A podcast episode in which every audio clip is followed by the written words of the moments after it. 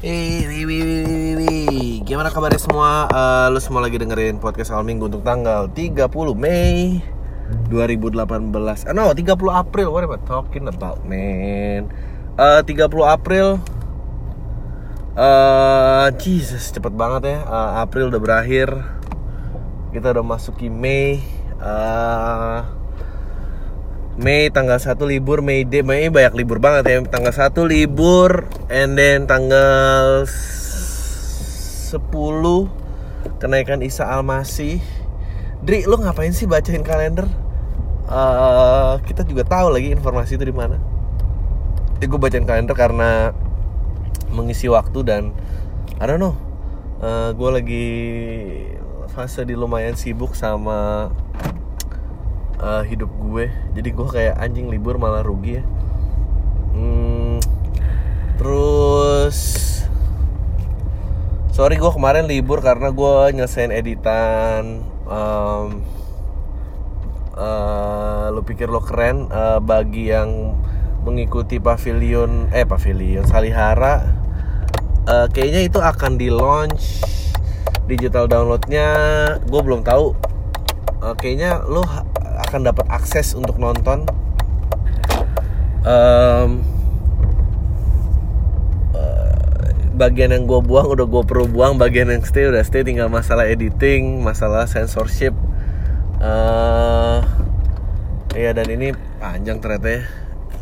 Prosesnya sorry banget buat delaynya. Em, gue mau ngomong apa lagi ya?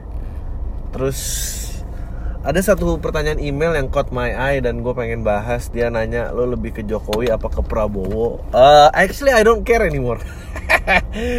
I really don't uh, gue sebetulnya kan gini kita punya pasal karet uh, menyebarkan golput itu uh, dilarang dan ilegal dan itu eh, pasalnya karet banget sebetulnya. Memaksa orang tidak memilih sebetulnya pasalnya itu atau tidak atau memaksakan pilihan terhadap orang lain. Eh, sebetulnya nggak tahu ya menyebarkan lo tidak boleh memilih itu eh, benar apa enggak gitu. Eh, yang jelas eh lu kalau mau tahu gue pilih apa pilkada kemarin eh I don't. Gue nggak milih. Nah bukan berdasarkan pilihan tapi karena gue eh gue kayak gue udah pernah ngomong ini belum kayak belum sih. Ya pokoknya gue nggak memilih bukan berdasarkan pilihan tapi karena eh ada ketidakberesan sistem yang menyebabkan gue tidak terdaftar. Lalu gue berusaha mendapatkan kartu tambahan. Gue udah ngurus tuh ke kelurahan ke RT ke apa cuma mau dipingpong-pingpong doang. Em, dan gue nggak tahu kayak result pemilu kemarin tuh sebetulnya legit apa nggak legit apa banyak gesernya gue nggak ngerti lah. Gue nggak akan memulai masalah propaganda di sini. Em, ya pokoknya gue nggak dapet kan terus dapat himbauan asal ada iktp terus lo sejam lo sejam terakhir voting lo akan ini, tapi kayak di atas tps gue kayak cuma berapa gitu ekstranya terus yang nggak dap yang nggak terdaftar berapa orang dan gue kayak oh yaudahlah gue berarti gue gue coba ngantri dan nggak dapet gitu Eh, kenapa gue nggak bilang gue nggak peduli lagi? Gue pernah jelasin ini gue lupa podcast berapa. Eh, kalau kita mau sama-sama melek politik menurut gue don't eh, kita nggak wise untuk menaruh semuanya di lembaga eksekutif. Eksekutif itu kan artinya eksekutor ya. To to decide gitu. Eh, tapi permasalahannya kalau mau tarik ke belakang em, sebetulnya sangat penting kita melek tuh di legislatif gitu karena mereka yang akan form di undang-undang dan disahkan dan eh, kadang eksekutif tuh cuma kebagian jeleknya doang. So lo harus tahu siapa yang di kursi belakang dan gua nggak bisa stress this enough eh, eh, politik itu it's about what bukan it's about who Eh, bukan tentang siapa tapi tentang apa yang diperjuangin. Gue belajar banyak dari kakak gue yang dia nggak dia nggak ngerasa dia gue kakak gue sih atau dia jadi mentor gue tapi gue waktu itu eh, ngobrol ya eh, namanya Glenn Fredly. Kalau ada yang nggak tahu dia. Gue suka karena dia bilang gue dia nggak bilang langsung kalau tapi gue merhatiin dia. Jadi yang penting tuh lu tuh bawa cause. Cause yang lo mau perjuangin apa dan nggak mungkin semua itu ingin lo perjuangin baik benar atau salah gitu. Mungkin dua yang lo mau perjuangin apa dan paksa siapa pun yang di atas itu bisa memberikan uh, apa yang lo bawa gitu. Um, dia dia selalu bawa tentang kualitas musik musik bagus dan uh, dia selalu bawa tentang ketimuran uh, di mana uh, kemakmuran untuk orang timur itu costnya dia dan dia kayaknya nggak ya udah kalau yang lain. Itu ya, ya udah di luar dia dan dia cuma bawa dua. Jadi siapa pun yang itu ya dia nggak peduli gitu. Kalau di atas setuju sama gue kita teman kalau lu di atas nggak setuju sama gue ya kita musuh gitu. It doesn't matter. It doesn't matter. Gue actually juga mulai ber kalau lu mau tanya apa yang mau gue bawa gitu ya uh, karena ya itu jujur jujuran aja gitu. Maksudnya dari 10 janji yang dibawakan oleh semua yang jalan di eksekutif yang terwujud tuh pasti yang dari nggak pentingnya dulu gitu. Nggak mungkin tiga kayak you, you know maksudnya ya, kita akan membuka korban 98 there is no fucking way lu akan buka. Maksudnya gue sih udah jujur aja gitu. Uh, kita akan membatalkan reklamasi. There is no fucking way. Tapi mungkin yang bawa-bawa yang lebih nggak penting dia dia akan wujudin. Uh, janji yang dikasih. Men ini jangan disebar lah ya. Jangan disebar jangan apa ya gitu janji yang dikasih tuh is essentially untuk menarik kolam vote aja seolah-olah lu satu program. Uh, satu program gitu. Um, gue actually mulai berkenalan sama beberapa orang yang mau ngeran di legislatif gitu. Dan dan gue gue pengen tahu dan gue nggak peduli partai gue pengen tahu dia bawa penyebab dia mau bawa kos apa gitu. Dia mau bawa uh, perjuangan apa gitu uh, kalau lu tanya apa yang mau gue perjuangin sebetulnya ada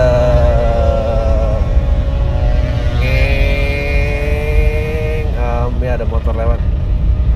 Um, gue mau bawa gue apa yang gue perjuangin adalah uh, freedom of speech. Itu dari gue uh, and privacy. Jadi gue nggak suka tuh.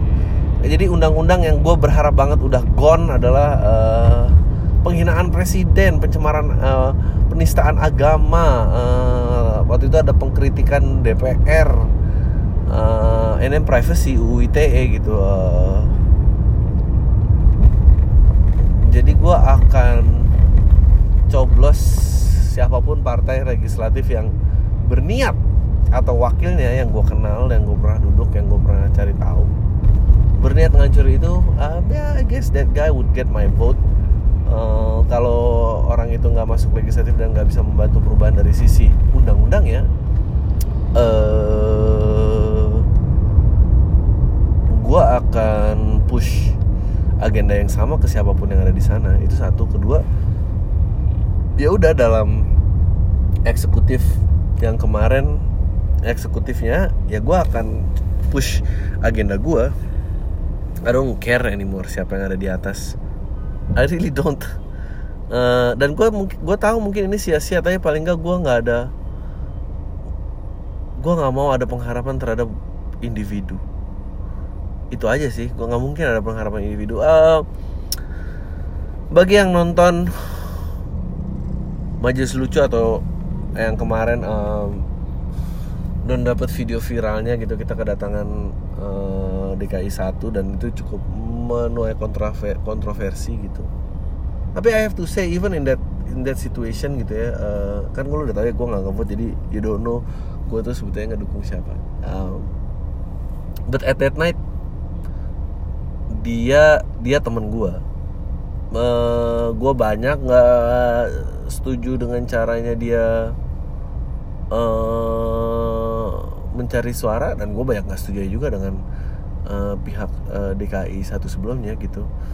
Uh, tapi pada saat dia naik dan dia bilang ini bercandaan cerdas mestinya nggak baper mestinya semua orang bisa uh, mengungkapkan pendapatnya seperti ini dia satu jalur sama gue. Dia dia fight gue nggak tahu dia akan bela banget tapi paling nggak gue bisa pegang gue ada buktinya. Uh, gue nggak mau teman-teman gue kena ITE lah kena pencemaran apalah penistaan agama whatever. Shit deh uh, gue nggak mau. But that's my cause. So buat lo kolam-kolam tai what's your cause? Gitu loh cause lo apa? Gitu. Um, kalau mau kita mulai dari situ. Lo mau jadi mau jadi orang yang melek politik kan gitu. Lo mau ini dan dan fight. Maksudnya uh, kita harus stop sih ya sama penokohan gini. Um, meskipun ya gak ribet tapi gimana deh kalau bukan tokonya terus programnya nggak gue percaya bla bla bla bla bla bla. Ya iya tapi terus kalau percaya toko terus nggak sesuai sama kos lu juga gunanya apa gitu? Maksudnya uh, eh, gue nggak tahu kos orang bisa main-main ya lain-lain tadi. Ada tentang timur ada tentang apa ya mungkin pilih dua itu gue sih gue sih kebebasan berbicara gitu ya dan uh, privacy. Uh, I think undang undang-undang penghinaan presiden penistaan agama pengkri hak mengkritik apa yang tidak boleh mengkritik DPR yang kemarin mau dijadiin itu itu menurut gue buat gue yang paling concerning gitu. Uh, dan privacy gitu gue nggak suka gitu. Gue uh, gimana aktivitas di internet dijadikan barang bukti whatever apalah itu. Karena eh, tapi nggak tahu. Gue tuh memang udah skeptis. Oh ya apakah apakah perubahan itu mungkin terjadi. But speaking of perubahan, ternyata ya ada. Uh, maksudnya ada momen-momen monumental gitu seperti runtuhnya tembok Berlin. Um, things for the better tuh do change, do happen juga gitu.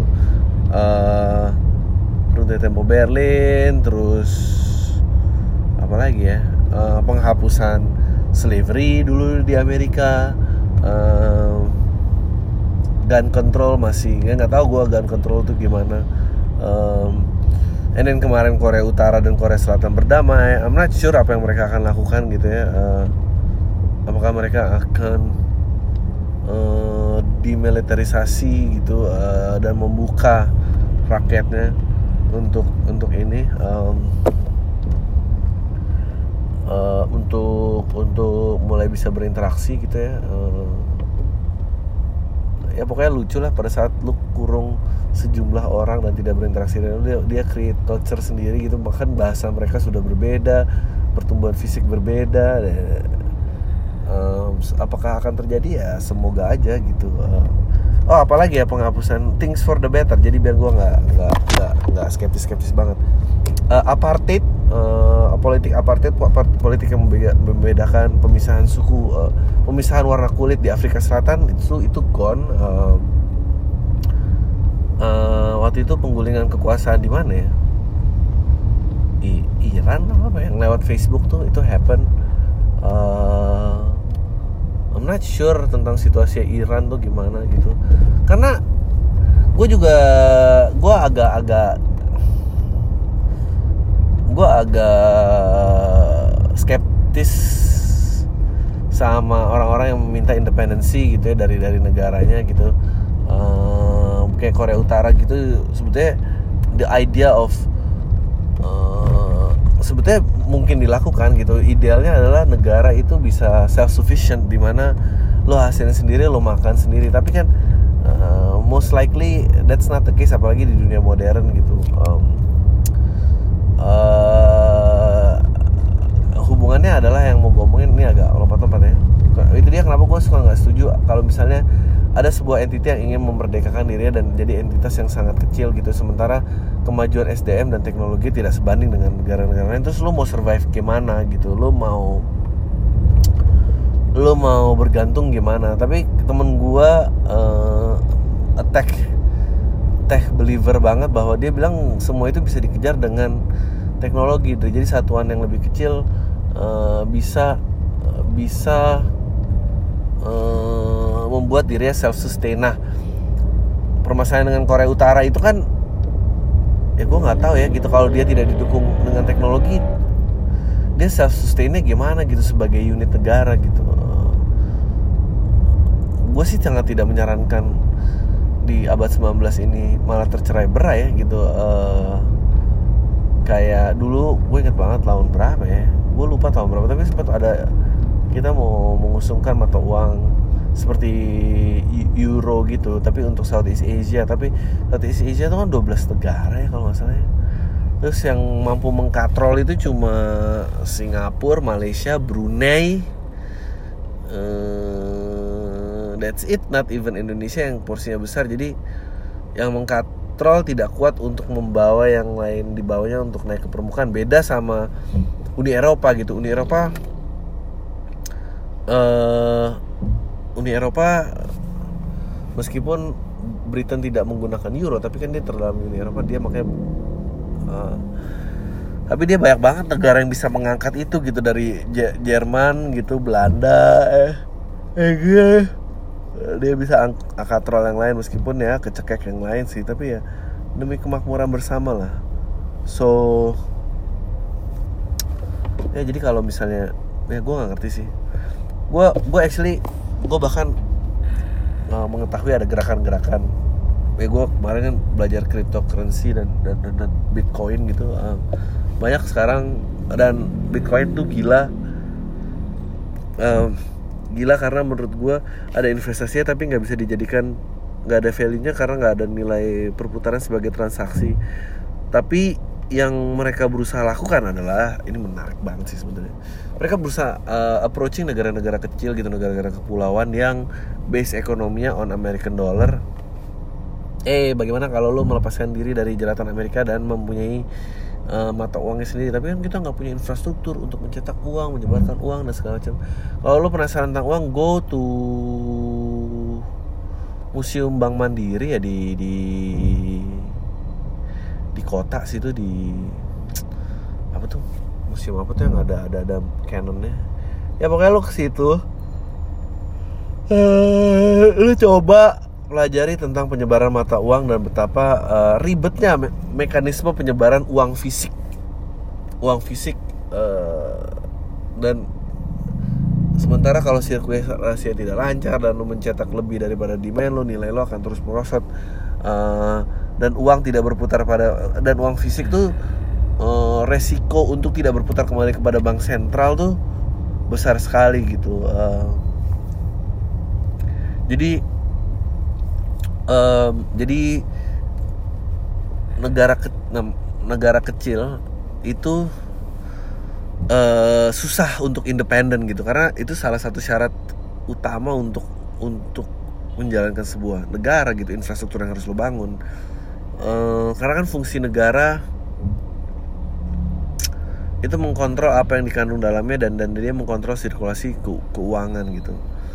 Nah yang menarik daripada si Bitcoin ini jika dia menjadi sistem uh, dan gue yakin kalau negara kecil itu memenangkan egonya dia akan ambil si sistem ini karena sistem ini akan mengeliminir eh, mengeliminir uh, permasalahan penciptaan uang dan penyebaran mas, mata uang gitu karena lo dipakai mata uang. Nah, tapi gue nggak ngerti tuh deal-deal yang mau dilakukan adalah apakah sistem mereka itu hanya menjual sistem jadi negara bisa memegang kontrol tentang uh, penyebaran mata uang. Yang menariknya tek dari teknologi itu memang sungguh akan menyelesaikan banyak masalah. Lo kalau menerapkan tentang Bitcoin gitu dan dan itu menjadi perputaran uang yang uh, perputaran uang dalam negeri lo yang tidak diwakili oleh uang fisik. Guess what's gonna happen what's gonna happen adalah corruption sulit dilakukan. Karena ya udah duitnya cuma segitu. Lo nggak bisa creating untraceable money. Oh by the way lo harus nonton Money Heist ya di di, di Netflix. Dan dan dan, dan lo akan ngerti maksudnya apa yang gue sebut dengan untraceable money gitu. Fisiknya ada tapi uh, dia nggak bisa ditrace sedangkan kalau bentuknya digital um, ya udah terus mau di, mau diambil mau digimanain kan traceable semuanya. Uh, tapi di sisi lain nah ini yang menjadi dilematis ya. Yang jadi sisi lain adalah uh, apakah lo masih mau mau mempercayakan tapi pemerintahan mana yang mau dan pada saat mereka baru memulai negara mau sistem yang tidak bisa dikorupsi. Sebetulnya banyak banget kemajuan dari dari dari sebuah uh, dari kemajuan manusia yang udah di achieve dan tidak bisa diaplikasikan karena karena banyak kebutuhan orang-orang untuk korupsi atau orang-orang untuk mengabuse bentuknya apa pun lah gitu. Maksudnya kita lagi ngomongin mata uang kayak kenapa gue bilang tadi kontrol negara yang untuk mengelola sesuatu yang di dalamnya dan dan menciptakan sistem pembayaran? Uh, salah satunya electric car. That's oke. Okay. electric car itu bukan itu solusi. Betul itu solusi yang akan sangat hebat ramah lingkungan. Hampir nggak ada celahnya. Terus kenapa nggak bisa diaplikasikan? Karena karena negara ingin uh, ingin bisa memegang kekuasaan apa yang terkandung di dalam sebuah negara. Itu salah satunya adalah sumber daya alam. You take that away gitu sumber daya jadi kita ngomongin dua nih sumber daya alam dan sistem pembayaran. Lo ambil dua hal ini dalam sebuah negara negara itu practically nggak punya power. Dan dia gimana caranya? Satu forcing order di dalam negara memaksakan kehukum ke dalam negara. Kedua dia bisa korupsi gimana caranya? Nah kenapa korupsi itu penting? Karena itu kalau nggak orang ngapain jadi pemerintah? Anjing gue bukan ngomong kenapa uh, lo mau perintah. Ada yang tujuannya baik tapi basically lu lu lu bisa baca semua sejarah tentang cerita tentang pengusahaan yang digulu, digulingkan. Itu pasti dispute of power. Somebody wanna take control. Nah, tapi pada saat diambil teknologi, semua dikuasai oleh teknologi. Lo harus tanya teknologi itu belong ke siapa? Teknologi punya siapa? Nah, sekarang sebetulnya yang harus dijawab adalah apakah lo lebih percaya sebuah perusahaan swasta untuk memanage teknologi dan kekuasaan sebuah yang bisa dirikukan orang banyak apa lo masih lebih percaya terhadap state terhadap negara yang menguasai pendistribusian gue to be honest gue nah kalau lo mau tanya political stance gue mari kita ngobrol di deepest level itu. Gue masih lebih percaya state. Gue tahu gue pernah ngobrol juga di di di di di di, di uh, podcast mana gitu. Gue gue meramalkan bahwa nanti dunia hanya akan dikuasai oleh lima perusahaan swasta. Nah pada saat Eh, sistem pembayaran sosial media uh, uh, ten power tenaga ya sumber daya sumber daya alam sumber daya energi sebenarnya. Sumber daya energi semua menjadi unlimited source karena tapi semua itu dikuasai oleh swasta bukan dikuasai oleh state.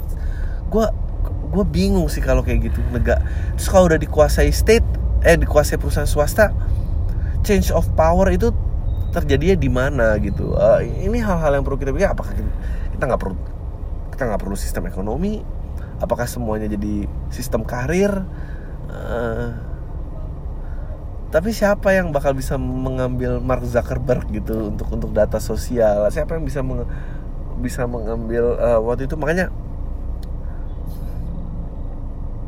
the only way adalah harus bekerja dengan pemerintah setempat dan setempat. Dan gue nggak tahu gimana caranya. Kayak waktu itu uh,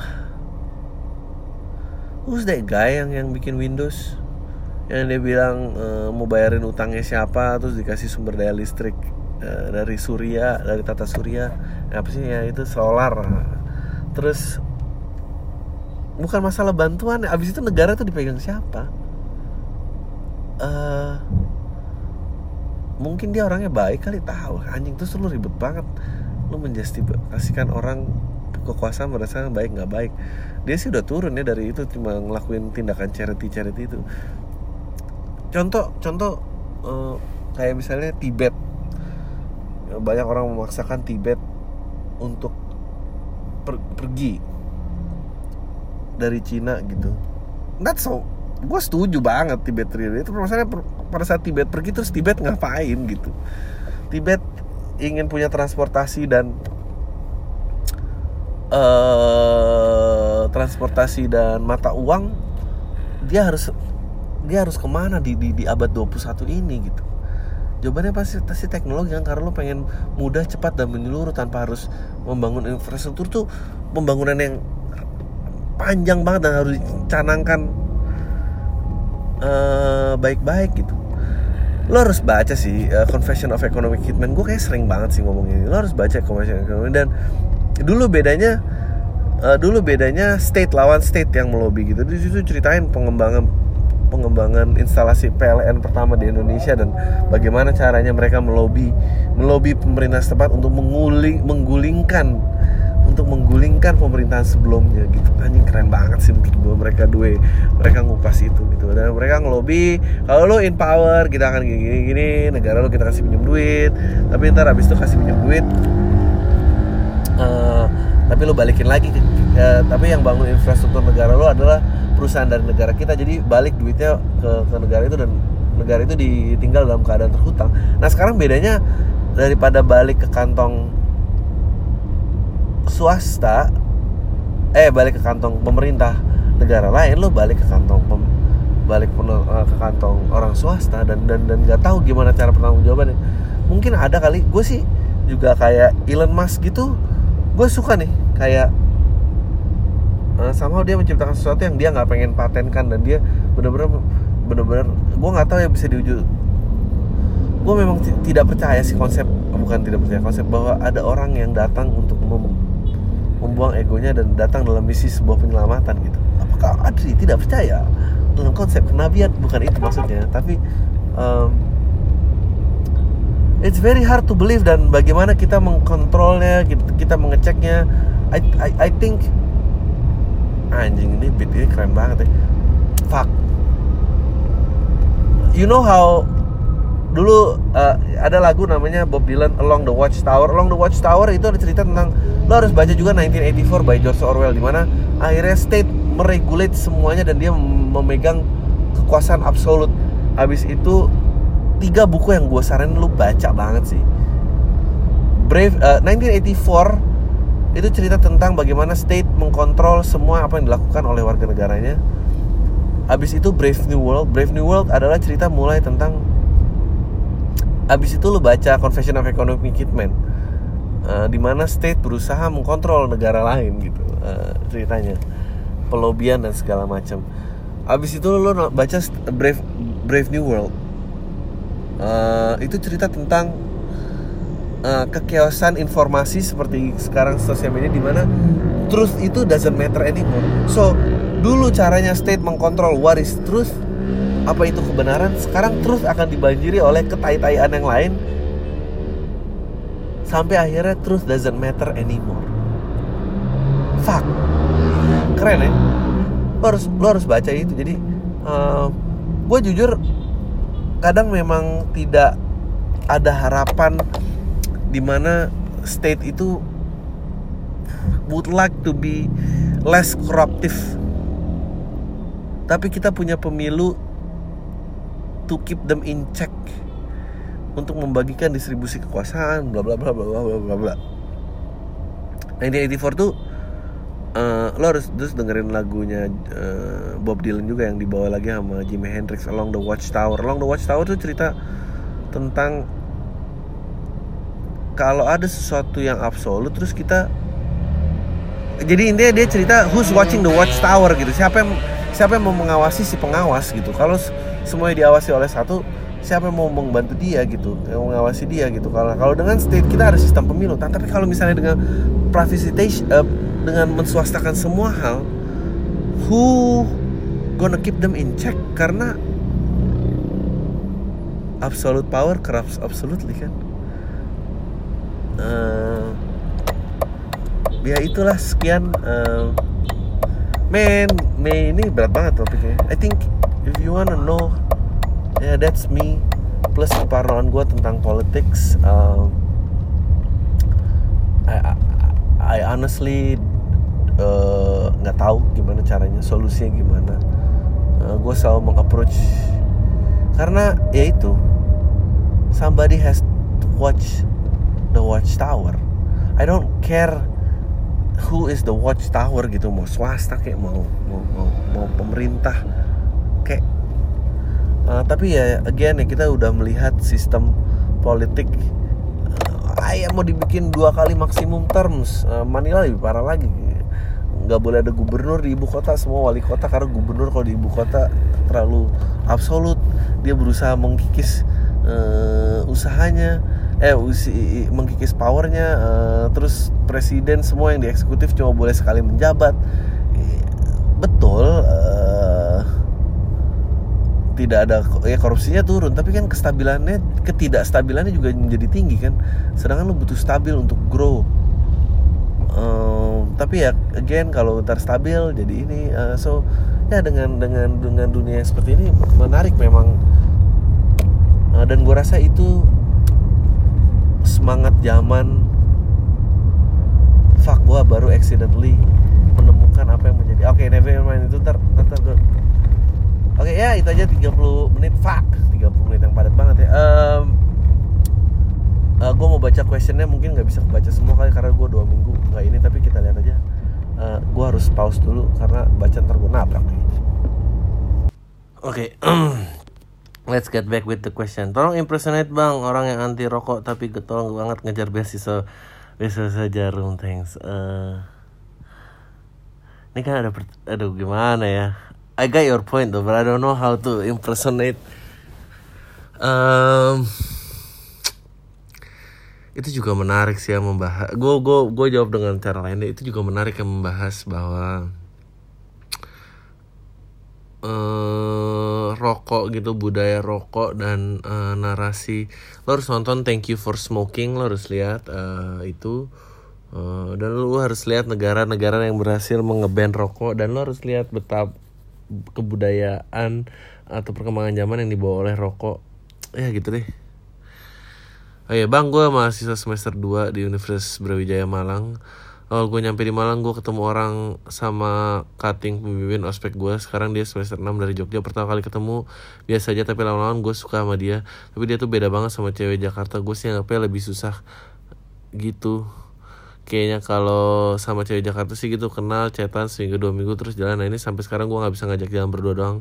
Oh ya ini cewek alim kalem sih menurut gue beda banget sama gue ya itulah terus dia deketin yang deketin banyak orang itu rata-rata belum punya jabatan di kampus kayak oh rata-rata punya jabatan di kampus kayak presbem ketua umum apa gitu beda sama gue yang masih baru gitu. Cetan sih gue biasa gue sama dia teleponan juga bisa lama juga lama bisa. Dia orang sederhana nanti Juni mau ulang tahun. Menurut lo kado yang bisa gue berkesan banget? Ngasih menandakan gue suka sama lo nyet tuh apa ya? Saran Emily bikin acara dan ke Malang dong bang. Kemarin lokal stand gue udah ke Jakarta kan. Eh ngasih kado apa ya? Menurut gue jangan kado sih. Mendingan lu bilang aja eh. Lu langsung tanya sih kalau gue gue tuh orangnya terus terang aja. Jangan buang-buang waktu. Lu mendingan tanya eh lu nggak mau ya keluar sama gue? Kita udah chat sekian lama loh. Gituin aja. Masa lu nggak lihat ini apa sih? Gituin aja men. Uh, atau nggak bilang kalau misalnya dia nggak mau uh, kasihlah gue kesempatan gituin aja kasih aja gue kesempatan. Keluar dulu bareng gue. Kalau lo nggak minat gue ngerti banget. Abis itu lo kasih kado terserah deh. Tapi kalau kado ntar dia bingung lagi. Gue nggak tahu dia sukanya apa lo harus perhatiin sih. Dan dia kurangnya apa dan lo pengen dia pakai apa gitu gitulah oke. Uh, lo bang gue 24 tahun kerja di Jakarta. Gue lagi seneng banget gak bisa waktu sendirian bang. Kayak nonton stand up lu Di Salihara sama lokal stand up day sendirian. Dan keliling nyasar di Jakarta sendirian Maklum anak perantauan di Jakarta. Tapi kadang-kadang gue pengen punya pacar Biar bisa diajak ngobrol apa pun dengan nyaman. Tapi gue juga males mau kenal sama cewek Merasa ribet aja dan butuh waktu lama. Ah, Akhirnya gue deket lagi sama mantan gue Karena butuh teman ngobrol. Menurut lo gue mendingan balik mantan Atau gue nyari yang baru ya?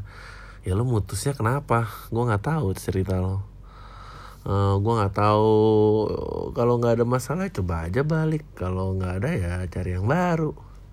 Mana yang mau aja lah. Nah, kenal gue baru aja follow dan dengerin podcast lo Pesan gue adalah satu tetaplah hadir di tengah-tengah kita Dan juga berhenti ngasih share Juga berhenti share. Jangan berhenti. Nggak lo mantap kok ngasih impact yang signifikan. Gue seneng banget sama podcast lo Wawasannya luas bla bla banget. Kelihatan banget lo hidup di pusat pergaulan Indonesia. Jadi bersyukurlah semua orang yang segenerasi sama lo bisa dapat pengalaman sifat keren kayak lo tai. Tiga lo meng ini pujian semua isinya. Lo menginspirasi gue dan kita kita untuk melihat segala sesuatu berbagai macam pandang dan kreatif yang tak terduga dan kayak kayak pengetahuan di tengah-tengah hidup penuh kepuasan apa sih rahasia? Kenapa lo bisa tahu segala hal media apa yang lo dengar dan baca? Ah tadi gue beberapa buku gue tuh sebutin film-film udah gue sebutin. I don't know gue nggak pernah ngerasa gue banyak baca karena mungkin eh gue nggak banyak baca sih. Uh, teman-teman gue jauh lebih banyak dan plus this is all just a joke man ini bukan acara fakta kalau acara fakta carilah yang lain Terima kasih untuk menginspirasi gue untuk jadi diri sendiri ah tai. Saya lo anak Jakarta dan ngerti arti keren original nggak bikin-bikin nah, apalah. Gue doain lo sekarang bahagia selalu oke. Okay, gue sedikit lebih tua dari lo tapi lo di luar biasa asli cerdas dan jujur wah. Suatu saat gue nonton show lo sembilan tetaplah jadi dirimu sendiri pendengar lo nunggu-nunggu podcast lo dan saya bahagia buset deh. Salam ke Inggris. Salam ke Inggris apa sih? Komentar tentang Aldes di stand up lokal deh gimana bang asli gue ngakak parah dari datanya Pak Anies dan Emily pada nggak tahu nggak dia datang. Oh ya tadi gue udah sebut.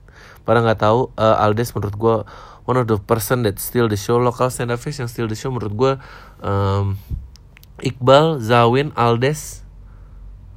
Uh, gue ada satu lagi siapa ya? Iqbal, Zawin, Aldes. Ya gue lupa satu lagi. Gue pengen nanya dong bang, lo kan ahlinya di advertising nih bang, kebetulan gue kuliah di jurusan itu. Boleh kasih saran nggak apa aja yang bisa mengenalkan gue buku tentang advertising lebih dalam atau tentang advertising apa yang menurut lo bagus? Oh ya ngomong-ngomong digital download LPK dijual nggak gue nunggu banget dapat nih bang. Udah itu aja semoga pam bakal ada terus karena itu satu alasan yang bikin hari Senin gue nggak jelek-jelek amat. Thank you. Uh, mendingan baca buku. Kalau buku advertising menurut gue menurut gue lo baca buku marketing sih lo baca pahamin dari Philip Kotler buku-bukunya dia tuh apa aja gue nggak tahu um, advertising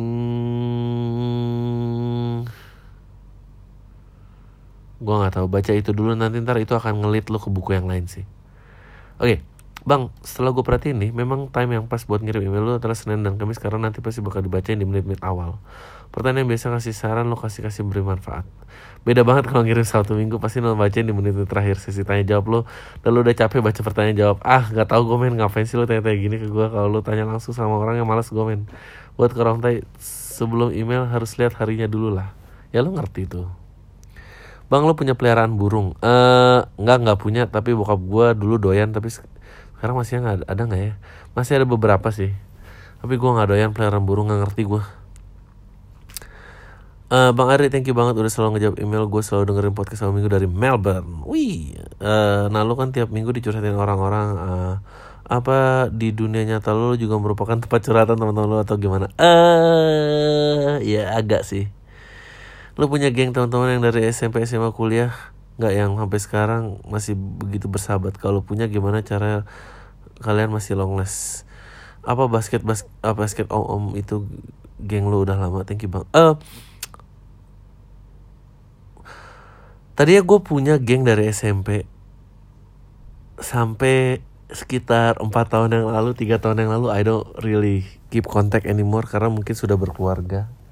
Um, dan berganti ya SMA ada tapi semakin mengikis tapi ada beberapa yang gue masih keep kontak uh,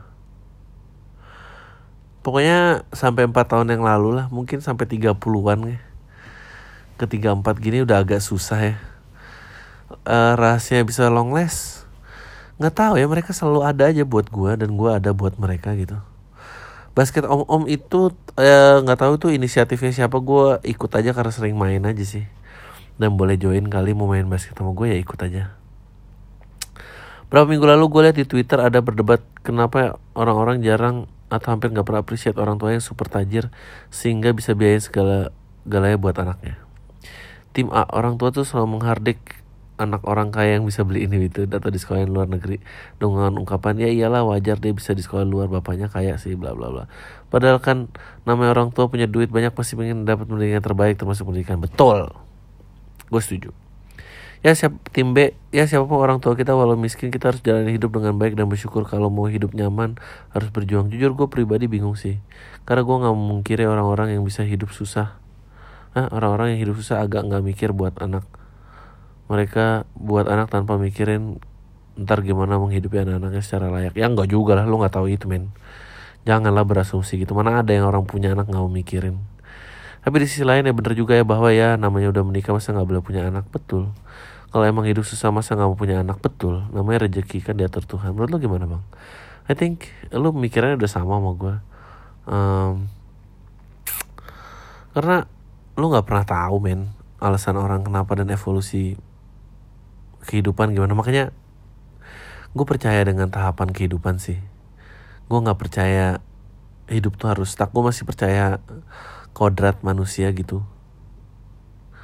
Kalau boleh disebut kodrat ya gitu. Uh, apa yang dikasih orang tua lu di mana lu tinggal di mana.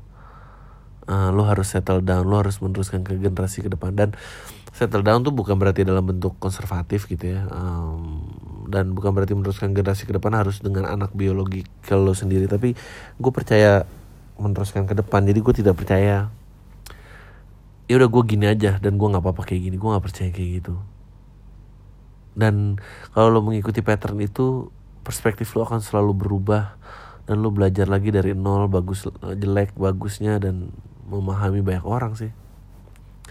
Iya, gue pengen ngomongin tentang Black Mirror. To be honest, gue tau Black Mirror karena lo ngomongin itu di PAM dan gue berterima kasih. Dan gue mau ngomongin Black Mirror season 4 dan gue berharap lo udah nonton. Udah, udah Imho. Kenapa Black Mirror makin ke sini flownya makin ketebak dan ada beberapa episode yang agak repetition dari awal di season sebelumnya? Gimana menurut lo? Uh, karena perubahan ini kali ya perubahan stasiun tayang karena tadinya tuh cuma buat channel di Inggris terus dia berusaha apply untuk lebih besar lagi gitu uh, beda banget season 1 buat gue season 1 season 2 paling keren. Season 3 udah di Amerika menurut gue nggak seru. Season 4 udah di Netflix nggak seru. Gue cuma penasaran si episode favorit lo di Black Mirror season 1 sampai 3 apa. Kalau ada rekomend uh, gue paling paling favorit gue lupa judulnya apa. Pokoknya tentang suami yang meninggal terus dia lagi hamil dia pengen banget ngidupin suaminya lagi. Itu paling keren kalau ada recommendation series atau movie yang familiar kayak Black Mirror boleh bang eh Money Heist tadi gue udah sebutin Thank You for Smoking uh, beda sih tapi lo harus nonton good luck for anything that you do God bless you thank you God bless you too man Bang, do you procrastinate something? If so, how this how to lose it? Thank you. Uh, menunda-nunda sesuatu iya banget.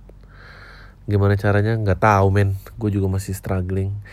Uh, tapi sekarang makin sibuk jadi gue nggak bisa menunda. Gue cuma bisa bikin timetable doang dan harus gue ikutin. Kalau nggak gue akan menghancurkan segala-galanya yang gue bangun. Oke, okay. apa tanggapan lo untuk orang-orang yang kalau di foto selalu kamu senyuman pun nggak kelihatan gigi kayak berusaha semakin mungkin untuk nutupin gigi yang benar. Gimana menurut lo? Yang jelas, gue paling benci sama orang-orang yang foto sok cool. Gue suka orang-orang yang confident dan nyaman, senyum melihat kamera, ya gitu gitulah. Gue nggak ngerti yang sama mingkem sok cool. Gue nggak keren sih, jadi gue nggak ini. Sebut nama gue, nggak apa bang. Ah, malas ah. Uh, Pia kabarnya gue mahasiswa tingkat akhir di Solo. Udah setahun ini suka sama podcast lo bang. Gue barusan liat stand up lo di Metro TV Dan mereka salah menuliskan nama lo jadi Andriano. Itu lucu sih menurut gue bang. Gimana orang-orang di TV itu sampai salah ngetikin nama lo di insert TV sama mereka Pertanyaan gue bang, menurut lo Dengan merebaknya marketplace online di Indonesia ini Bakal nyemangatin pasar lokal punya gak sih bang? Iya Soalnya gue ngerasa sendiri kalau nge-online shop itu murah banget dan beberapa marketplace juga ngasih promo yang jor-joran kayak ongkir gratis, cashback, dan voucher-voucher diskon gitu. Bahkan sampai produk biasa aja kayak sabun, sampo gue beli online shop selain murah dan gampang. Di lain sisi gue merasa kalau gue adalah salah satu pembunuh market lokal di Indonesia. Mohon pencerahannya. Ya, ya itulah problemnya gitu. Lu mengutamakan pembangunan infrastruktur apa lu mengutamakan kenyamanan diri lu sendiri gitu. Itu yang harus lu tanya. Uh, uh, gue rasa Indonesia melewati banyak banget proses perkembangan zaman yang langsung dibabat abis sama digitalisasi. Oh sekali nanya-nanya denger Emily mau bikin acara beberapa kota salah satunya Solo ya bang. Lu ikut nggak? Jawabannya enggak. Kalau ikut gue berharap bisa ketemu anggota kolam yang ada di Solo juga sih pasti seru juga. Tetap podcast bang. Salam tai. Udah masih banyak ya pertanyaannya. Bang ini lo pernah hubungan apa sama vokalis Monkey to Millionaire di Youtube thumbnailnya mesra banget Tanyain sama mereka dong lo, lagu Strange in Our Conversation sebenarnya tentang apa thanks Eh uh, gue nggak tahu sebetulnya dia ada hubungan apa uh, um, dan malas nanya-nanya juga. Uh, kalau lagunya kayak tentang orang yang suka koneksinya nyambung bahkan yang ngobrol aneh-aneh aja ya dia mereka seneng. Ini lucu banget deh ada yang email gue dari BQ Vina 8 SMP bla bla bla Hey Adriano Kalbi stop talking about aliens in your podcast. Ih menyeramkan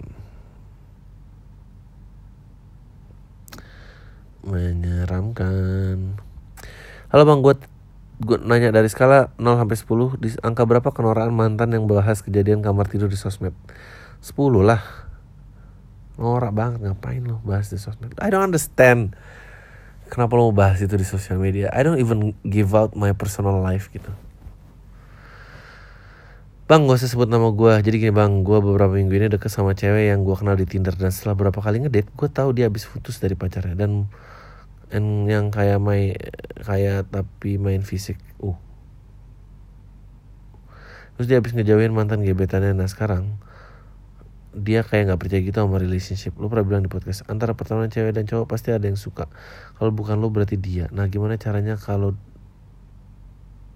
gimana caranya tahu kalau doi suka sama gue gue nggak pede banget mau mepet. Ya nggak bisa lah ngaku aja udah paling ditolak apa sih? Nggak mati main ditolak. Bang gue baru aja denger podcast lu yang ngebahas Corbusier ketawa lu bangsat bener sumpah gue sampai ikut ngakak. Cuma lebih bangsat lagi kalau lu berani bahas sampai anaknya nge YouTube juga nge-review barang-barang mahal amin. Emang lu lupa ya bahas itu? Atau lu ngebatasin nggak mau sampai bahas anaknya? Gue nggak tahu main anaknya. Waktu itu lu bilang jangan bilang CC ke Corbusier podcast lu. Gue rasa kalaupun ada yang CC lu juga bakal ngakak sampai bingung kali dijadiin bahan sayembara. Oke okay, please jangan sebut nama email gue di podcast.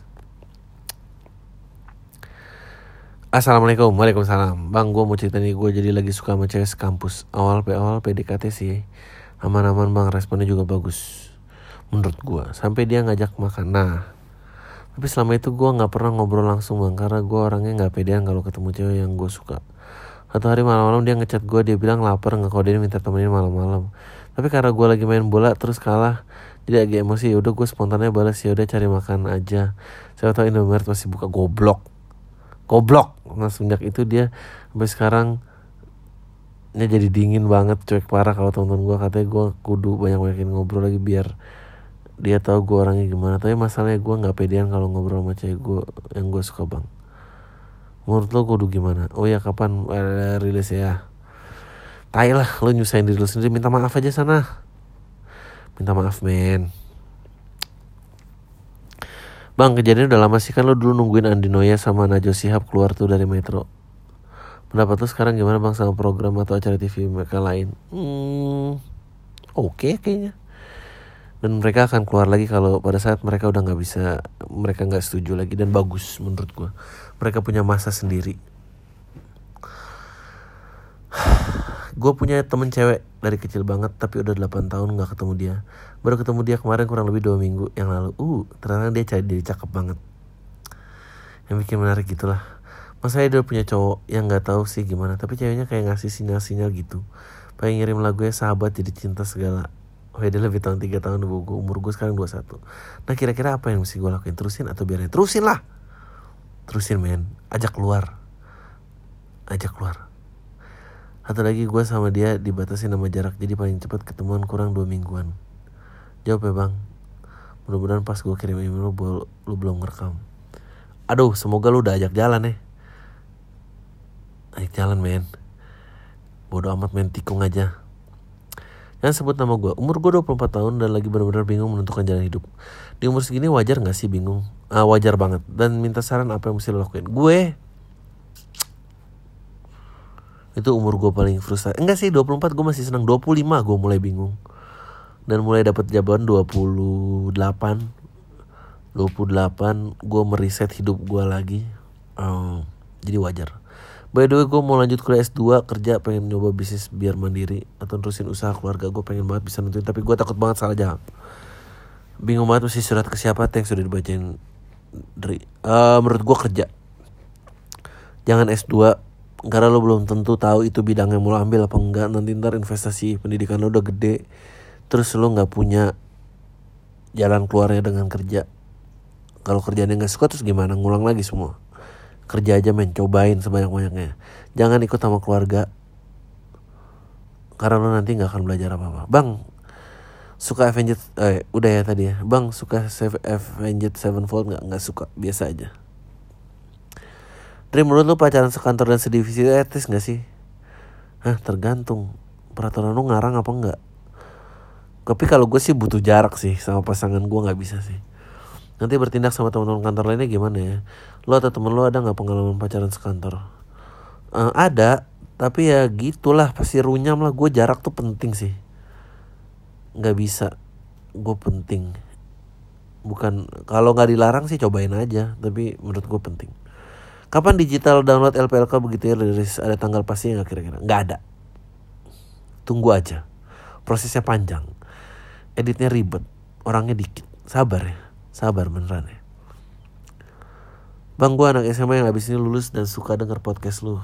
Lu pernah gak sih bang waktu sekolah dituntut dan dipaksa milih jurusan tertentu? Iyalah dan menurut lo gimana cara bisa menyamakan frekuensi dengan orang tua? Nggak bisa. Diributin aja. Diskusi baik-baik. Kalau nggak ya ngotot-ngototan. Yang penting menurut gua lo bertanggung jawab dengan apa pun keputusan yang akhirnya diambil dengan diri dan lu tidak nyalain orang. Gak usah sebut nama ya bang, gue berasal dari keluarga broken home.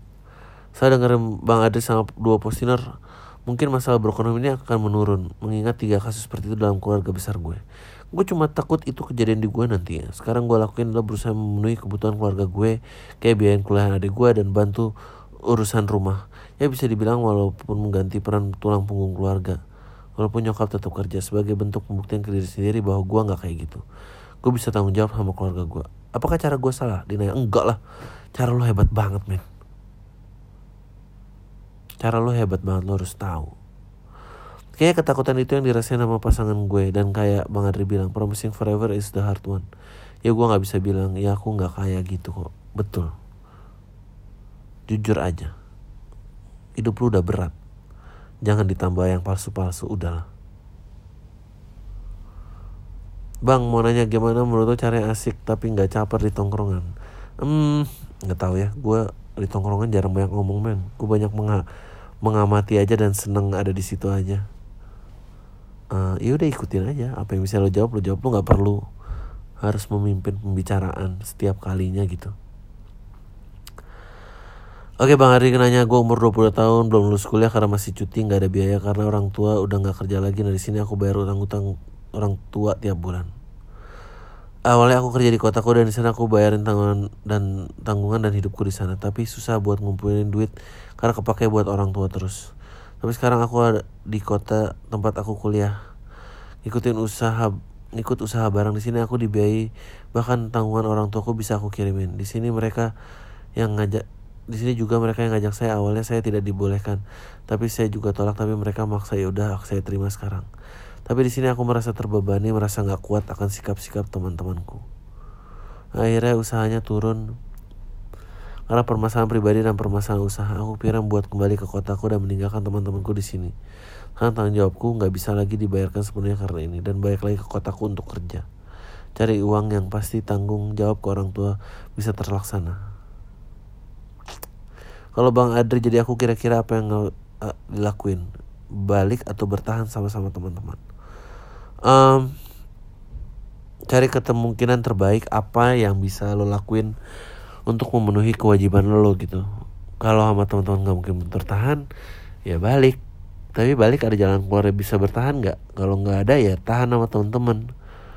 Uh, cari mana yang pokok, mana yang nggak pokok gue rasa lu pinter lu kuat ya jadi good luck men gue doain men um, apa namanya semoga bisa ya uh, gue percaya hidup maju tuh bawa beban kok bukan taruh beban tapi pasti susah banget untuk umur dua-dua berpikir seperti itu gue pun nggak bisa berpikir seperti itu jadi lu jangan terlalu keras adu juga sama diri lo oke okay. Minta pendapatnya dong mesti lakukan pas kita dipecat dari tempat kerja. Sedangkan cicilan masih numpuk belum terlunasi, belum lagi saya punya tanggungan istri dan dua anak. Oh. Rasanya saya udah nggak bisa lagi percaya kerja sama orang lain karena sering kecewa. Tapi kalau mau usaha nggak punya modal. Saya ini driver taksi online yang tapi akun saya sudah disuspend alias putus mitra. Selama dua tengah tahun hiburan saya cuma podcast ini dan teman-teman saya yang lain banyak yang ngerti podcast itu apa saya juga lupa awalnya saya bisa tahu podcast ini dari mana yang jelas saya suka dengan pandangan bang Adri apalagi tentang pembahasan soal taksi dan ojek online tahun lalu terima kasih ya lu sama sarannya dengan yang lain. Beban lu memang berat. Tapi jangan kalah men. Jatuh bangun lagi. Gue cuma bisa bilang itu doang. Karena kalau lo mutusin untuk jatuh yang lain gimana? Ya maju bawa beban men. Cari jalannya. Mengeluh jangan sering-sering. Habis itu jalan lagi. Gue cuma bisa kasih semangat men asli semoga ya. Ada jalannya. Lo lo pinter putar putar otak jangan terbenam frustasi. Gue request dong bar, bareng Nur Fadli muridnya kreatornya Thailand ah Thailand gue kenal Nur Fadli gue nggak kenal nggak tau lah. Karena emang gue nggak dikasih nama gue mau nanya sedikit dan cerita bang. Gue aja kan gue mahasiswa semester akhir. Kuliah gue udah tinggal dikit dan kebetulan dalam seminggu gue banyak jam-jam luang tapi gue nggak tahu mau gunain buat apa. Gue kemarin apply part time job jadi announcer di salah satu radio lokal di kota kampus gue dari ratusan aplikasi yang ngirim CV sama sampel suara mereka. Magically gue terseleksi dalam 33 besar. Dan lolos buat interview dan tes vokal dan the problem is pas kemarin gue interview dan tes vokal gue ngerasa nggak pede karena gue tipe orang yang pendiam dan susah lepas sama orang yang baru gue kenal pas interview kemarin gue dihadapkan dengan orang asing. Semua hasil gue nggak pede sama diri gue sendiri. Ya, imbasnya pada tes vokal gue jadi kurang lepas baca skripnya. Gue jadi pesimis gue nggak bakal keterima gitu. Gue mau nanya dong tips and tricks biar pede dalam situasi kayak gitu. Gimana biar pede ngadepin orang baru? Thanks bang. Sukses spamnya eh uh, tips and tricksnya adalah interview tuh memang harus butuh latihan sih. Lo nggak mungkin langsung magically jago gitu. Uh, coba aja apply banyak kerjaan uh, dari yang lo incer sama yang nggak lo incer. Pertimbang yang paling sulit dalam hidup tuh menurut gue orang tuh udah menuliskan konklusinya sebelum dia jalanin. Lu nggak mau embrace the opportunity yang bisa terjadi gitu. Kalau lo ikutin tuh apa gitu gitu sih. Uh, lo harus tahu selalu cara lo sama cara gue beda tapi gue dulu gitu nggak mikir banyak sih kalau ngeplay sih apply aja. Halo bang, langsung aja gue udah denger proses kalian bertemu di podcast sebelumnya. Nah, aku pengen tahu gimana dari masing-masing. Apakah sih membuat Adriano Kalbi sama Mas Surya Winata um, Dan karena biasanya part ini dibacain bareng Apakah membuat Mas Surya Winata yakin sama Adriano Kalbi Sampai akhirnya memutuskan untuk menjadi hidup bersama? Karena emang tuntutan norma agama di negeri yang dicinta ya Uh, pertanyaannya agak geli-geli gimana gitu. Hope you would like to answer this. Karena aku lagi mencoba memahami konsep perjodohan yang lebih jauh gitu. Uh, Ditunggu banget download LPLK begitu ya. Uh, Gue gak tahu sih. Anaknya lagi gak ada. Dan kalau dari gue Kalau dari gue Ada perasaan kayaknya kalau sama yang ini bisa deh gitu sih. Cuma ada kemungkinan itu doang. Kayaknya kalau sama yang ini mungkin tahu jawabannya. Kayak kalau sama yang ini bisa udah itu doang sih. Kalau ditanya yakin nggak ada men. Hidup tuh selalu di tengah-tengah keraguan. Nggak mungkin yakin. Tapi di antara yang gue udah pasti enggak yang ini ragu-ragu. Jadi ambil yang ragu-ragu aja. Yang lain udah pasti enggak soalnya Bener gak sih kalau orang liberal itu tercenderung lugu karena terlalu berprasangka baik dan konservatif itu terlalu cenderung stereotip karena terlalu berprasangka buruk? Enggak sih. Menurut gue liberal itu cenderung fasis dan konservatif selalu dianggap bodoh. Karena gue liberal gue tahu lebih banyak. Lalu jawabannya gak gitu. Gue mahasiswa 23 tahun kemarin abis match sama cewek di Tinder 2 tahun lebih tua. Hari pertama match doi langsung nyatain kode keras buat dipakai wow. Emang ternyata dia nyari dan gue targetnya jadilah gue dijadi sebagai fuck buddy wah ini seru nih. Janjian hari kedua gue disuruh main ke rumahnya karena suatu hal nggak jadi tuh tapi kita tetap kontak-kontakan. Masalahnya dia nggak ngasih personal kontak tapi pakai nama tengah doang jadi gue nggak bisa cari info lebih lanjut. Nah di chat-chat selanjutnya kita ngobrol dan orang tuanya asik banget. Dan orangnya asik banget.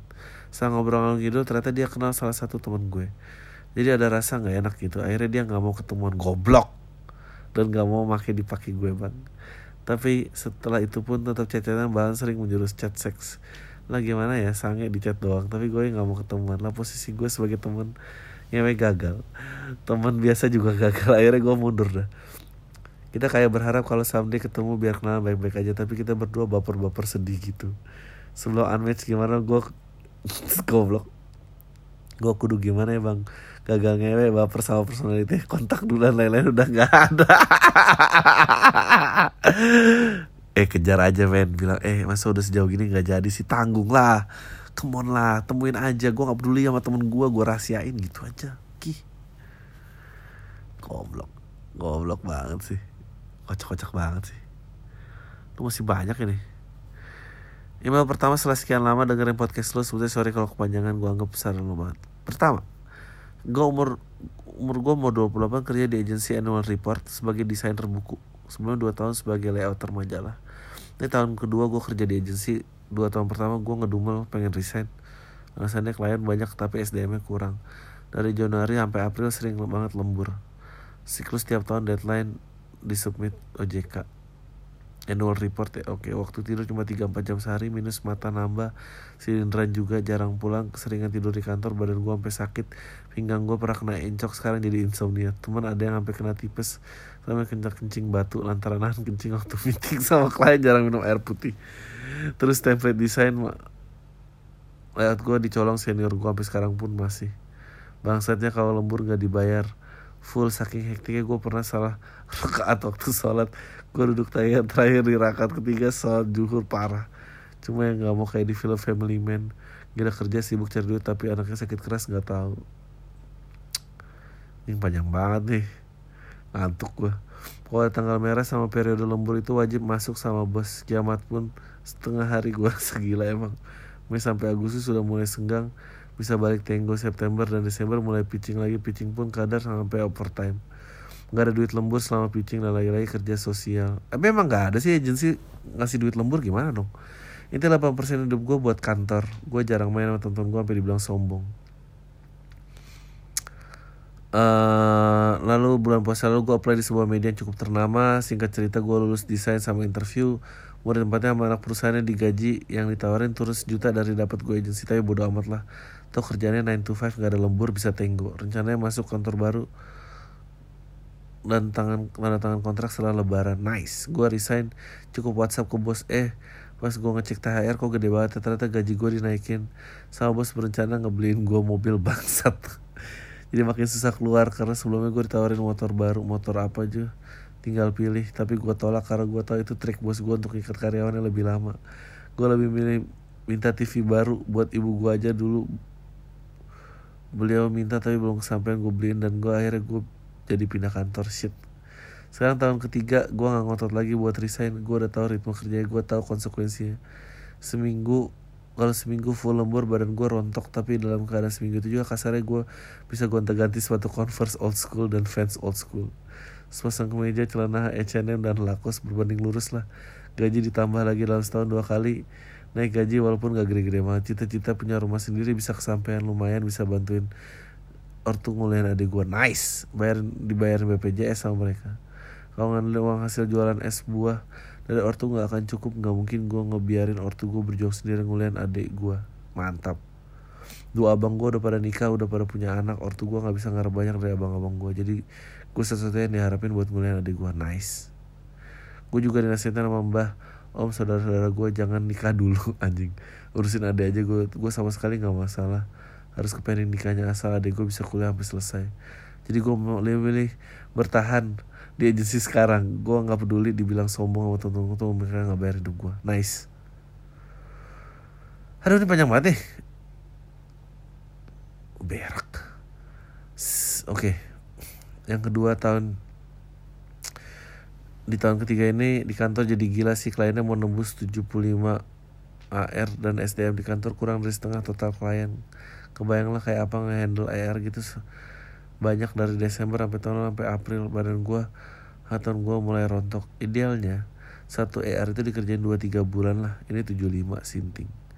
Jadi dengan kondisi kayak gitu selepas season air Sebagian besar teman-teman gue dari divisi penulis dan penerjemahan mau cabut bedol desa udah bener-bener gak tahan. Temen gue satu divisi gue juga ada yang mau cabut masalahnya. Selalu sama dari tahun ke tahun klien banyak SDM kurang. Nah, itu nggak berubah yang bertahan cuma orang-orang lama. Itu pun karena faktor umur dan gak tahu lagi resign kalau ke mana lagi. Udah nyaman dibeli ini itu sama bos. Ditambah dua lagi dua minggu lemburan yang gak dibayar kelakuan bos yang kadang suka berasa paling pintar sedunia. Kalau ada yang diskusi terus dikasih masukan apa? Alelelelelele.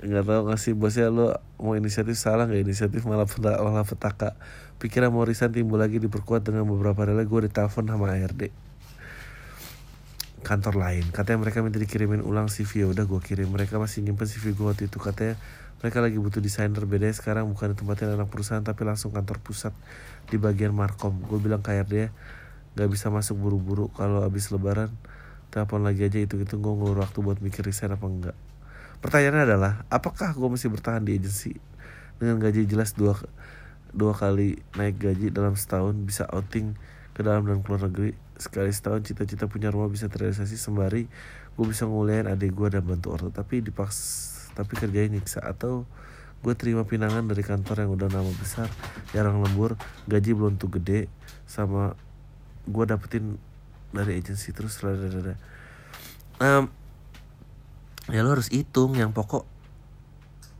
apa yang pokok gimana kalau enggak mah ya susah dong. Yang pokoknya dulu dicari gimana. Kalau dapat pokoknya menurut gue sih pindah sih. Tapi kalau nggak dapat ya udah bertahan lah. Aduh oke nih. Dikit lagi. Terusik nggak sih dengan fenomena gampangnya cerai di sekitar kita? At least lingkungan gue biasa aja. Gue resah banget orang gampangnya cerai tanpa beban. Orang-orang juga selingkuh.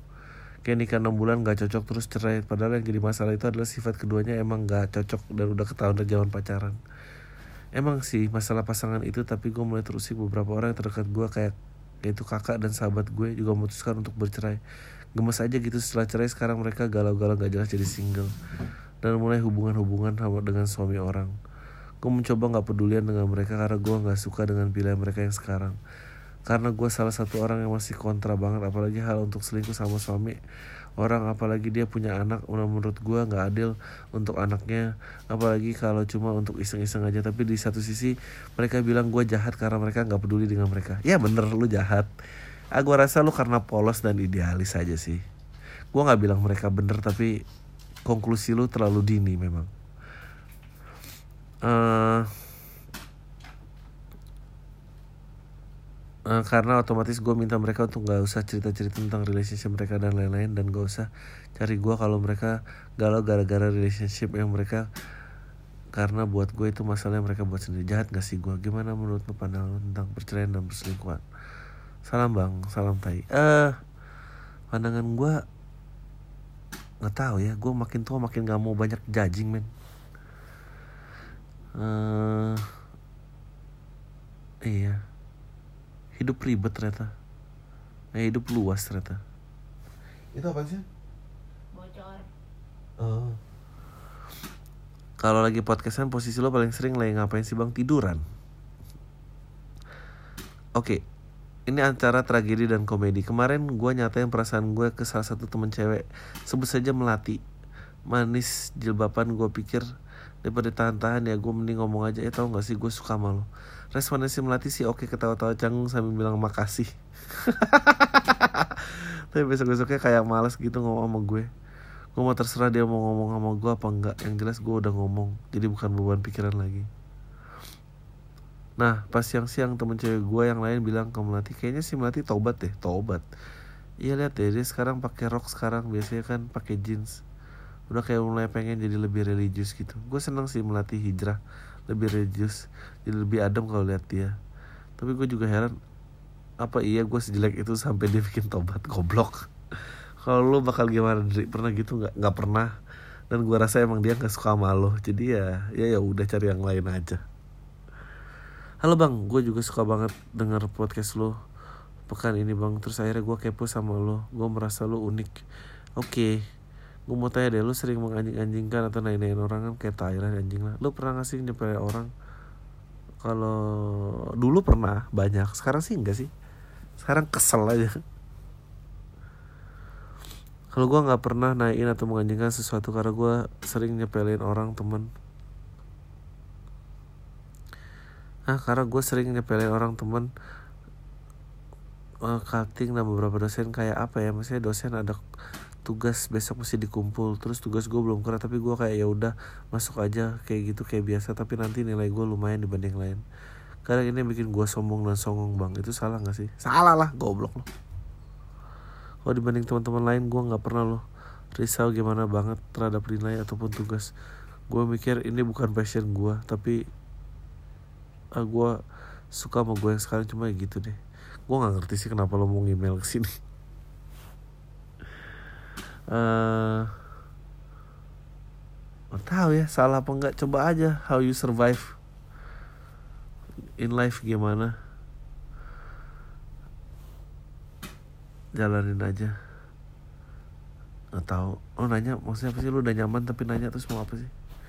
Oh ini tadi Jokowi atau Prabowo? Udah. Oh terakhir. Dir Bang Adri, gue cowok 25 tahun, udah 5 tahun ini temenan sama cewek yang 9 tahun lebih tua daripada gue. Kita bikin bisnis bareng setahun ini dan hasilnya kita beliin properti bareng-bareng. Oh shit. Gue merasa relate banget bang dengerin Pam yang bintang tamunya Uus.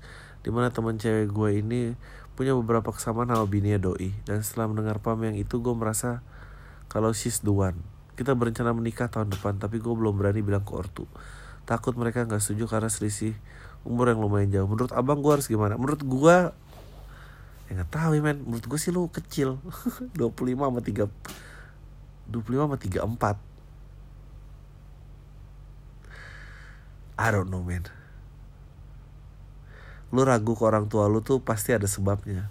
Tapi nggak tahu men. 25 gue sih nggak berani. Ya gitu deh. 25 sama 34 men pakai bisnis man lu punya komparasi buat gue komparasi sangat penting loh komparasi relationship dewasa ya. Kalau nggak gimana? Coba dong update gue dong gimana? Lu beneran mau kawin? Cobain dulu deh yang lain cobain dulu. Udah gitu aja tai lu semua. Deh